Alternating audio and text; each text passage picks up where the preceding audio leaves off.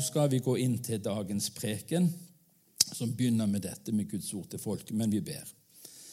Herre Jesus, vi bare ber at du, eh, sånn som du har gjort så mange ganger før, åpner ordet for oss. Ånder på oss. Eh, jeg ber Herre at ordet som skal forkynnes i kveld, faller i god jord, sånn at det kan vokse opp og bære frukt hundrefold. Og Jeg ber for denne forsamlingen, Herre, at den tro og det mot de nå viser, Herre, skal bli velsigna mangfoldige ganger, Herre. At det de investerer av tid og krefter og økonomi, Herre, en dag skal få lov Ja, at mange skal fortelle at de møtte deg der, Jesus. Gjennom denne flokken, gjennom dette fellesskapet. Det ber vi om i ditt navn. Amen.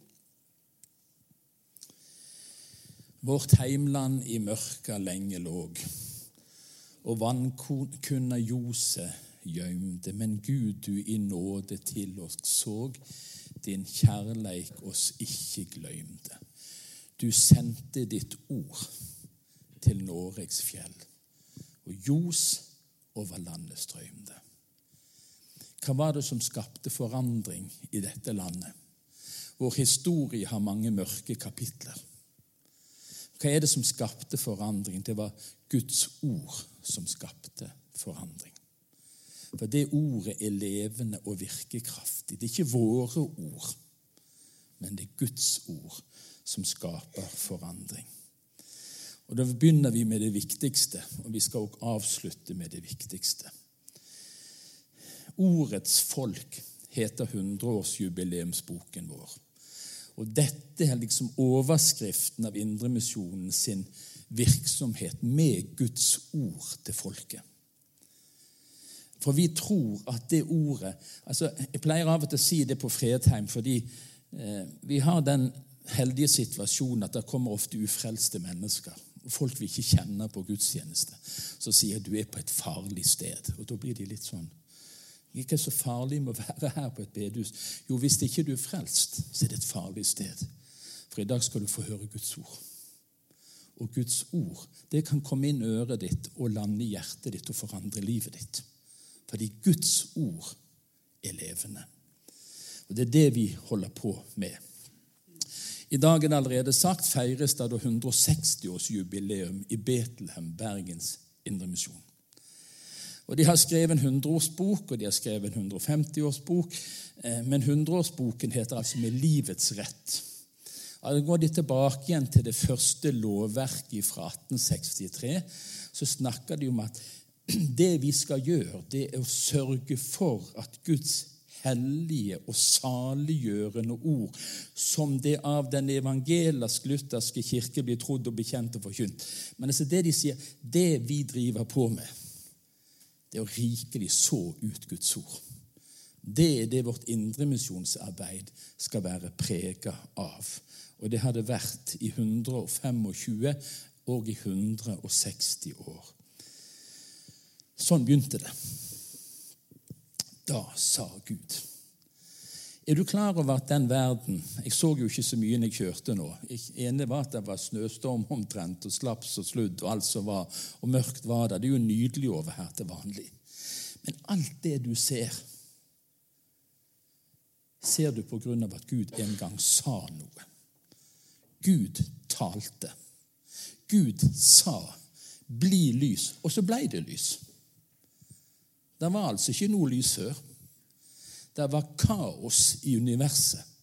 Da sa Gud. Ganske enestående. I begynnelsen var ordet, skriver Johannes. Ordet var hos Gud, og ordet var Gud. Det handler om en Gud som taler gjennom sitt ord, møter oss gjennom sitt ord. Og I Salme 33 så får du det så nydelig beskrevet. Han talte, og det skjedde. Han bød befalte, og det sto der. Jeg skulle ønske jeg hadde en sånn kraft i mine ord. Jeg har tre barn, åtte barnebarn, og av og til så taler jeg for døve ører. Har du prøvd det? Ja, sant? Vi prøver å formane og vi prøver å lære, og så bare går det inn det ene øret ut det andre. Men sånn er det ikke med Gud. Når Gud taler, så skjer det. Når Gud befaler, så skapes det. Guds ord er virkekraftig. Guds ord er levende. Og hele sentrum i vår forståelse finner vi i Romerbrevet kapittel 10. Så kommer da troen av det budskapet en hører. Og budskapet kommer av Kristi ord. Og jeg sier ofte det når jeg preiker. Det jeg skal si som forklarer teksten, ikke en tiendedel så viktig som å bare lese teksten. For mine ord har ikke kraft i seg, men Guds ordet har kraft i seg. Troen kommer ikke av forkynneren sin utlegning, men det kommer av ordet fra Gud.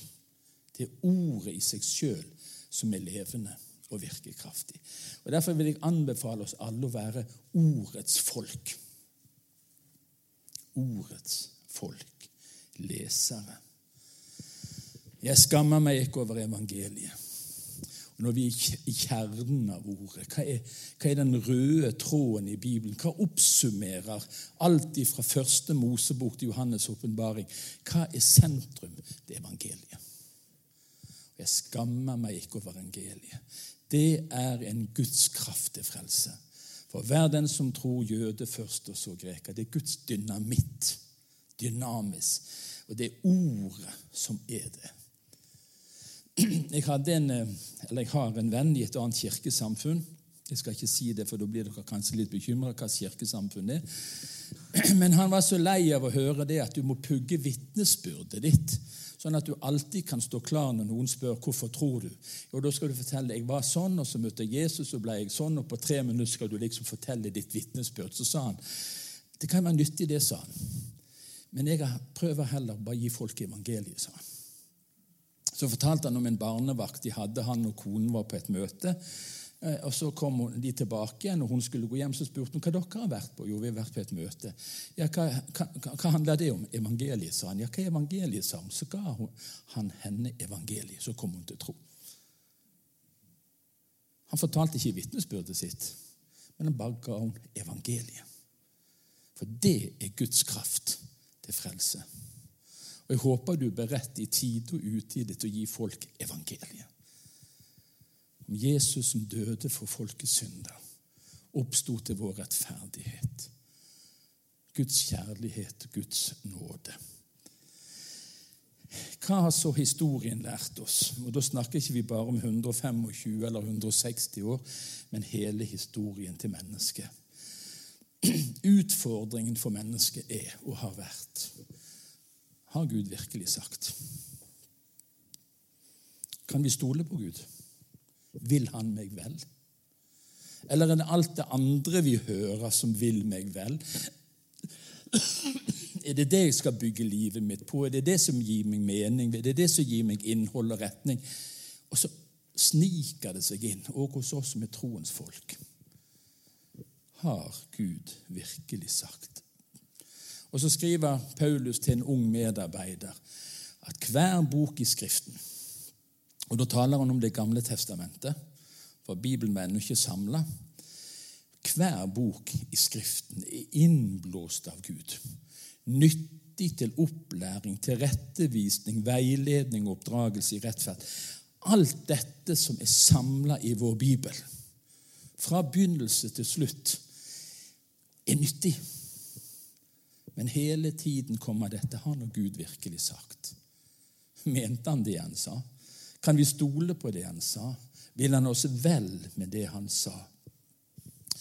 For noen uker siden så sto der i Dagen en eh, som sendte inn et innlegg, eller han ble intervjua. Mener norske kristne sklir i liberal retning uten å snakke om det? Andreas Masvi sier det.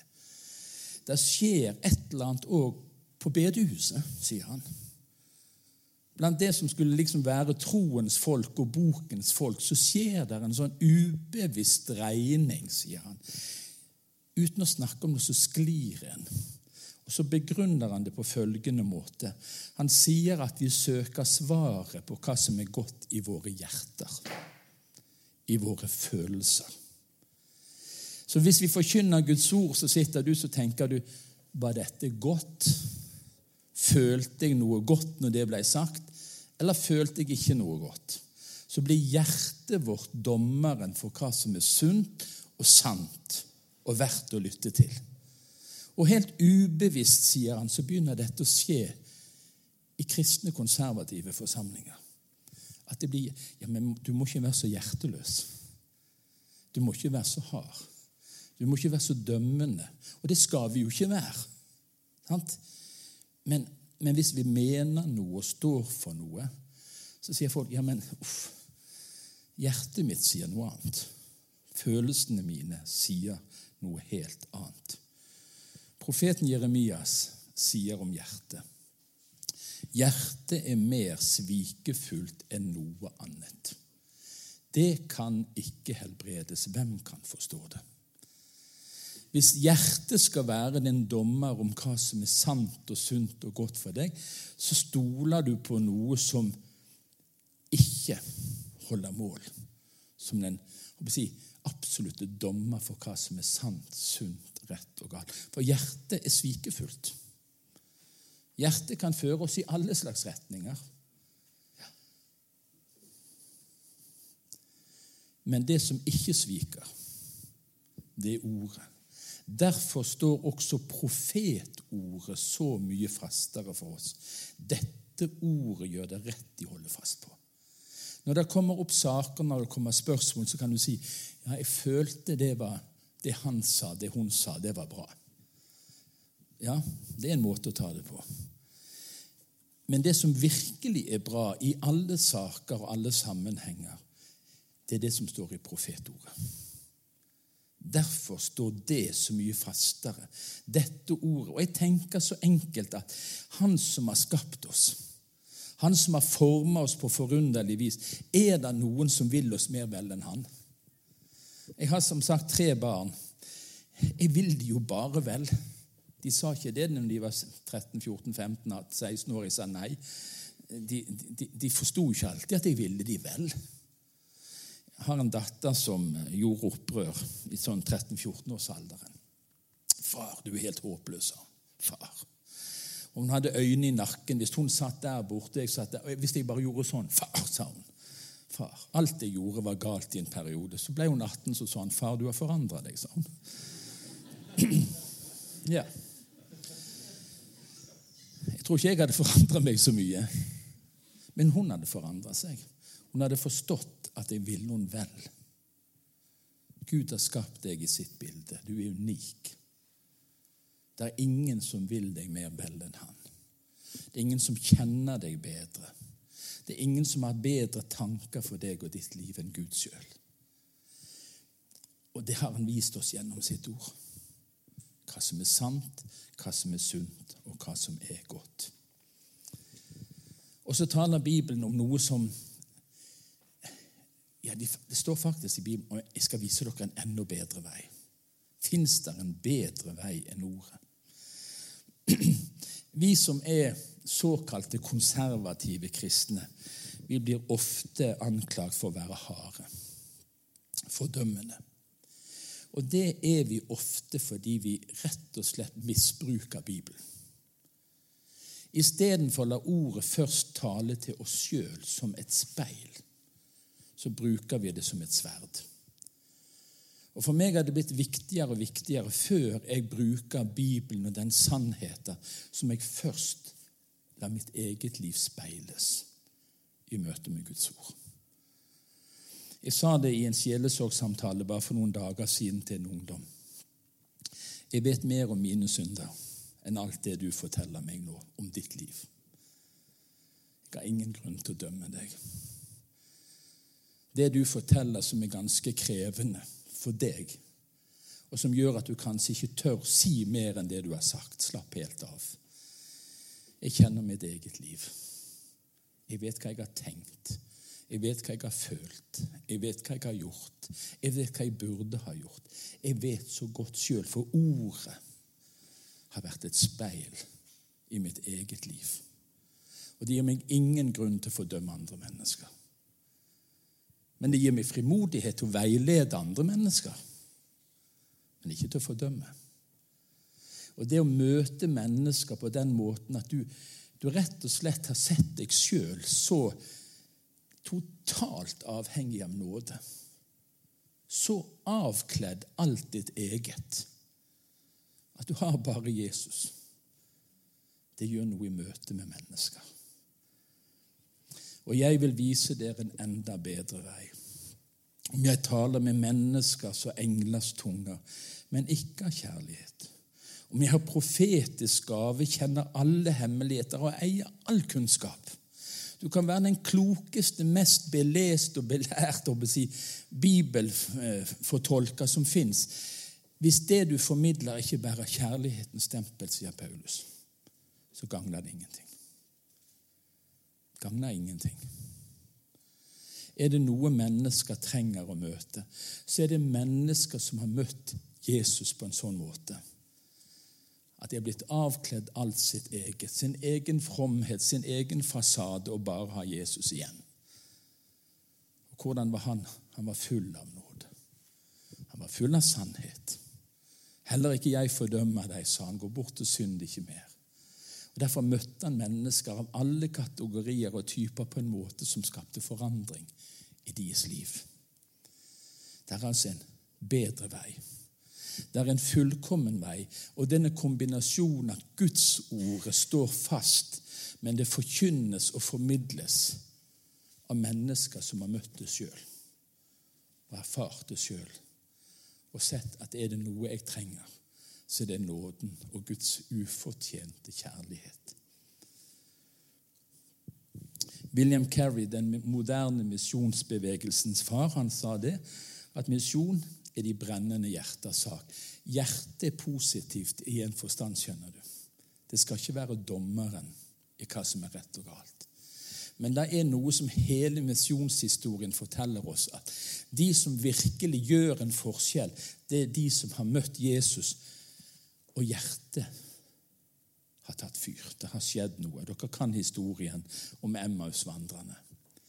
De sa til hverandre, brant ikke hjertet i oss? Da han talte til oss på veien og åpnet Skriftene for oss. Og jeg må jo si det Noen ganger når jeg sitter og leser i Bibelen, så er det så tørt, det er så tørt, det er så tørt. Ja, Det er verre enn knekkebrød, holdt jeg på å si. Det er så tørt. Mens andre ganger, når ordet åpner seg, så er det sånn at du det er rett før jeg sitter på kontoret hjemme, kunne spleist på et halleluja. Rett før. Ja. Det, det, smaker så godt. Når Jesus, når Ånden åpner ordet for oss, og du får lov å se hvem han er, så skjer det noe i hjertet. Det skjer noe i livet ditt. Og så snudde de og sprang tilbake igjen, de som egentlig hadde gitt opp. Vi sang det når vi var jeg vet ikke om vi var på deres alder bak der. Dere er sikkert eldre enn vi var. Men vi sang det når vi var på leir. Et møte med Jesus forandrer alt. Gi glød til det hjertet som før var kaldt. Et møte med Jesus forandrer alt. Det gjør noe med hjertene våre. Og Derfor så sier ordspråkene 'bevar ditt hjerte'. Ikke som dommer om hva som er rett og galt men bevar den hjertebrannen som du får i møte med Jesus. Ta vare på den. La den få rom i livet ditt. Bevar det hjertet framfor alt det du bevarer, for livet går ut fra det. Predikantenes predikant, predikantenes fyrste ble han kalt, Charles Spurgeon. Og Han sier i et sitat her feit tro går opp den trappen som kjærligheten har bygga.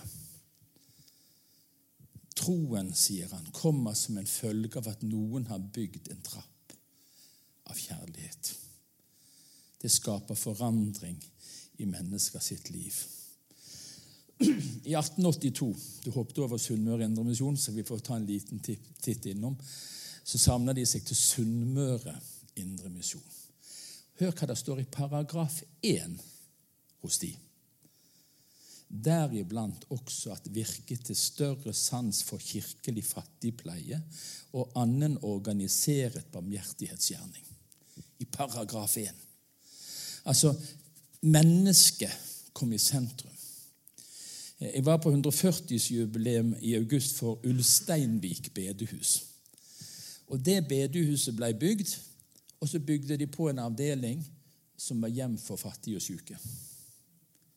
Det var det første fattighjemmet i, si, omtrent i Norge. Og langt ut i dette århundret så var det den institusjonen de som virkelig sleit med livet, fant et tilholdssted. Hjertespråket. I Bergens Indremisjon sin historie kan du lese at i 1888 gikk to bibelkvinner eller Jeg tror kanskje de var fire. Ikke, sjekk, ikke ta meg på det. det er så grei. På over 4000 hjemmebesøk til fattige og syke. Over 4000 hjemmebesøk. Den omsorgen, den nøden, den kjærligheten som gudsfolket viste, førte til vekkelser de kom ut av tellingen, står det. Da tallet på nyfrelste passerte 1000, kom de ut av tellingen, men vekkelsen fortsatte enda en tid, står det i boken. Hæ? Det var en samsvar, samklang mellom liv og lære. Ordet ble forkynt basert på kjærlighet og på omsorg. Jeg vet ikke om dere har sett filmen 'Jesus Revolution'. Det gikk i høst. I dagen så ble det skrevet en artikkel om dette. Så var overskriften 'Tenk om vi kunne få ei ny Jesus-vekking'. Så skriver journalisten Men tenk om vi kunne se et kristenfolk som var mindre opptatt av å kritisere syndere for at de synder, og mer opptatt av å møte alle mennesker i kraft av at de er elska av Gud. Så kan det høres litt liberalt ut, for derfor må vi ta med resten. Med kall til omvending og et nytt liv i Kristus. Ser du det? Tenk om vi som kristne skulle være mindre opptatt altså Hva er naturlig for en synder? Det er at han synder. Det er det mest naturlige. det. Og til og med vi som er tilgitte syndere, synder jo. Gjør vi ikke det? Vær nå helt ærlig. Det hender jo det. Hva er det naturlige for en synder? Det er at han synder. De trenger å møte en som er synderes venn, som tilgir, og som renser og reiser opp, og som setter de fri. Å kunne møte alle mennesker i kraft av at de er elska av Gud. For det gjelder alle mennesker. Absolutt alle mennesker. De minst elskelige som du vet om. De som irriterer deg mest. De er like høyt elsket av Gud som du er. Og Det de trenger å møte, det er kristne mennesker som holder fast på ordet, og som har bader seg sjøl i nåde hos Gud og lært hva kjærlighet er. Og Derfor avslutter vi med Fesane 4, 15 men vi skal være tro mot sannheten i kjærlighet. Og i ett og alt vokse opp til Ham som er hodet, Kristus. Det er målet for et kristens liv i denne verden. En dag skal vi bli han lik, sant? Det vet vi. Når basunen lyder, og vi skal møte han ansikt til ansikt, så er total forandring, forvandling. Men målet for livet her er at vi skal være tro mot sannheten, ordet, i kjærlighet og i ett og alt vokse opp til Han, som er hodet Kristus. For 10-15 år siden gikk ungdom rundt med en sånn lapp 'What would Jesus do?' Sant? Kanskje noen av dere var unge på den tiden. Vi må se litt. Grann. Hva ville Jesus ha gjort? i ett og alt er vårt mål, ditt mål, med ditt liv her og nå, å vokse opp til Han. Vokse opp til Han. Jeg syns dere hadde en fin blanding av litt gamle og nye sanger. Nydelig når du sang Jesus-sangen på engelsk, selv om han var på engelsk. Men jeg er blitt så gammel at jeg kan de gamle sangene best. Og Jeg husker ennå når jeg var ungdom i Betlehem. Det var en som Nesten hver gang. Når en predikant sier det skjedde hver gang, så stemmer jo ikke det. sant? Så jeg sier nesten hver gang han sang, så sang han den sangen. Se meget på Jesus, vil du bli han lik. Det er ikke noen annen måte det skjer på. Det er mye sammen med Jesus. Det forandrer oss. Og Er det noe mennesker trenger å møte, så er det mennesker som har vært sammen med Jesus. Rett og slett. Som møter verden, som møter dagen, Vi har vært sammen med Jesus. Skal vi be sammen? Herre, vi takker deg for ditt ord. Du sendte ditt ord til Noregs fjell og Jos over landets strømte. Og nå ber vi at du gjør det igjen. Herre, vi ber om at du gjør det igjen. I Ølensvåg, i Ølen, i bygden her inne. At du sender ditt ord gjennom vitner, Herre som med frimodighet forkynner evangeliet, som ikke skammer seg over evangeliet. Forsamlinger, Herre, små og store, samme hva de kaller seg. Reis opp et folk som med ny frimodighet forkynner evangeliet. Som løfter fram ordet. Men la det skje i kjærlighet. Herre, jeg ber om det. Jeg ber for den forsamlingen som er i gang med å bygge et nytt hus her. La det huset ikke bare være et ord for sannhet, men et ord for sannhet og kjærlighet. Hvor menneskene kan få lov å komme inn med i stykker slåtte liv og møte sannhet som setter dem fri. Møte en frelser som kan rette opp i alt som er gått i stykker. Som kan skape liv av døde, som kan skape ja, under der alle forhåpninger er gått i stykker, Herre. Velsign denne flokken her, Jesus. Vi ber om at de skal få lov å være et sant fyrlys for dette området. Vi ber, Herre, det handler ikke mest om hus, det handler om at vi er ditt hus. Det handler om vår hverdag. Og Nå ber jeg alle som er her inne, meg sjøl inklusiv, Herre, skal vokse opp. Ligne mer på deg, Jesus rett og slett være en hverdagskristen. Det vil jeg være.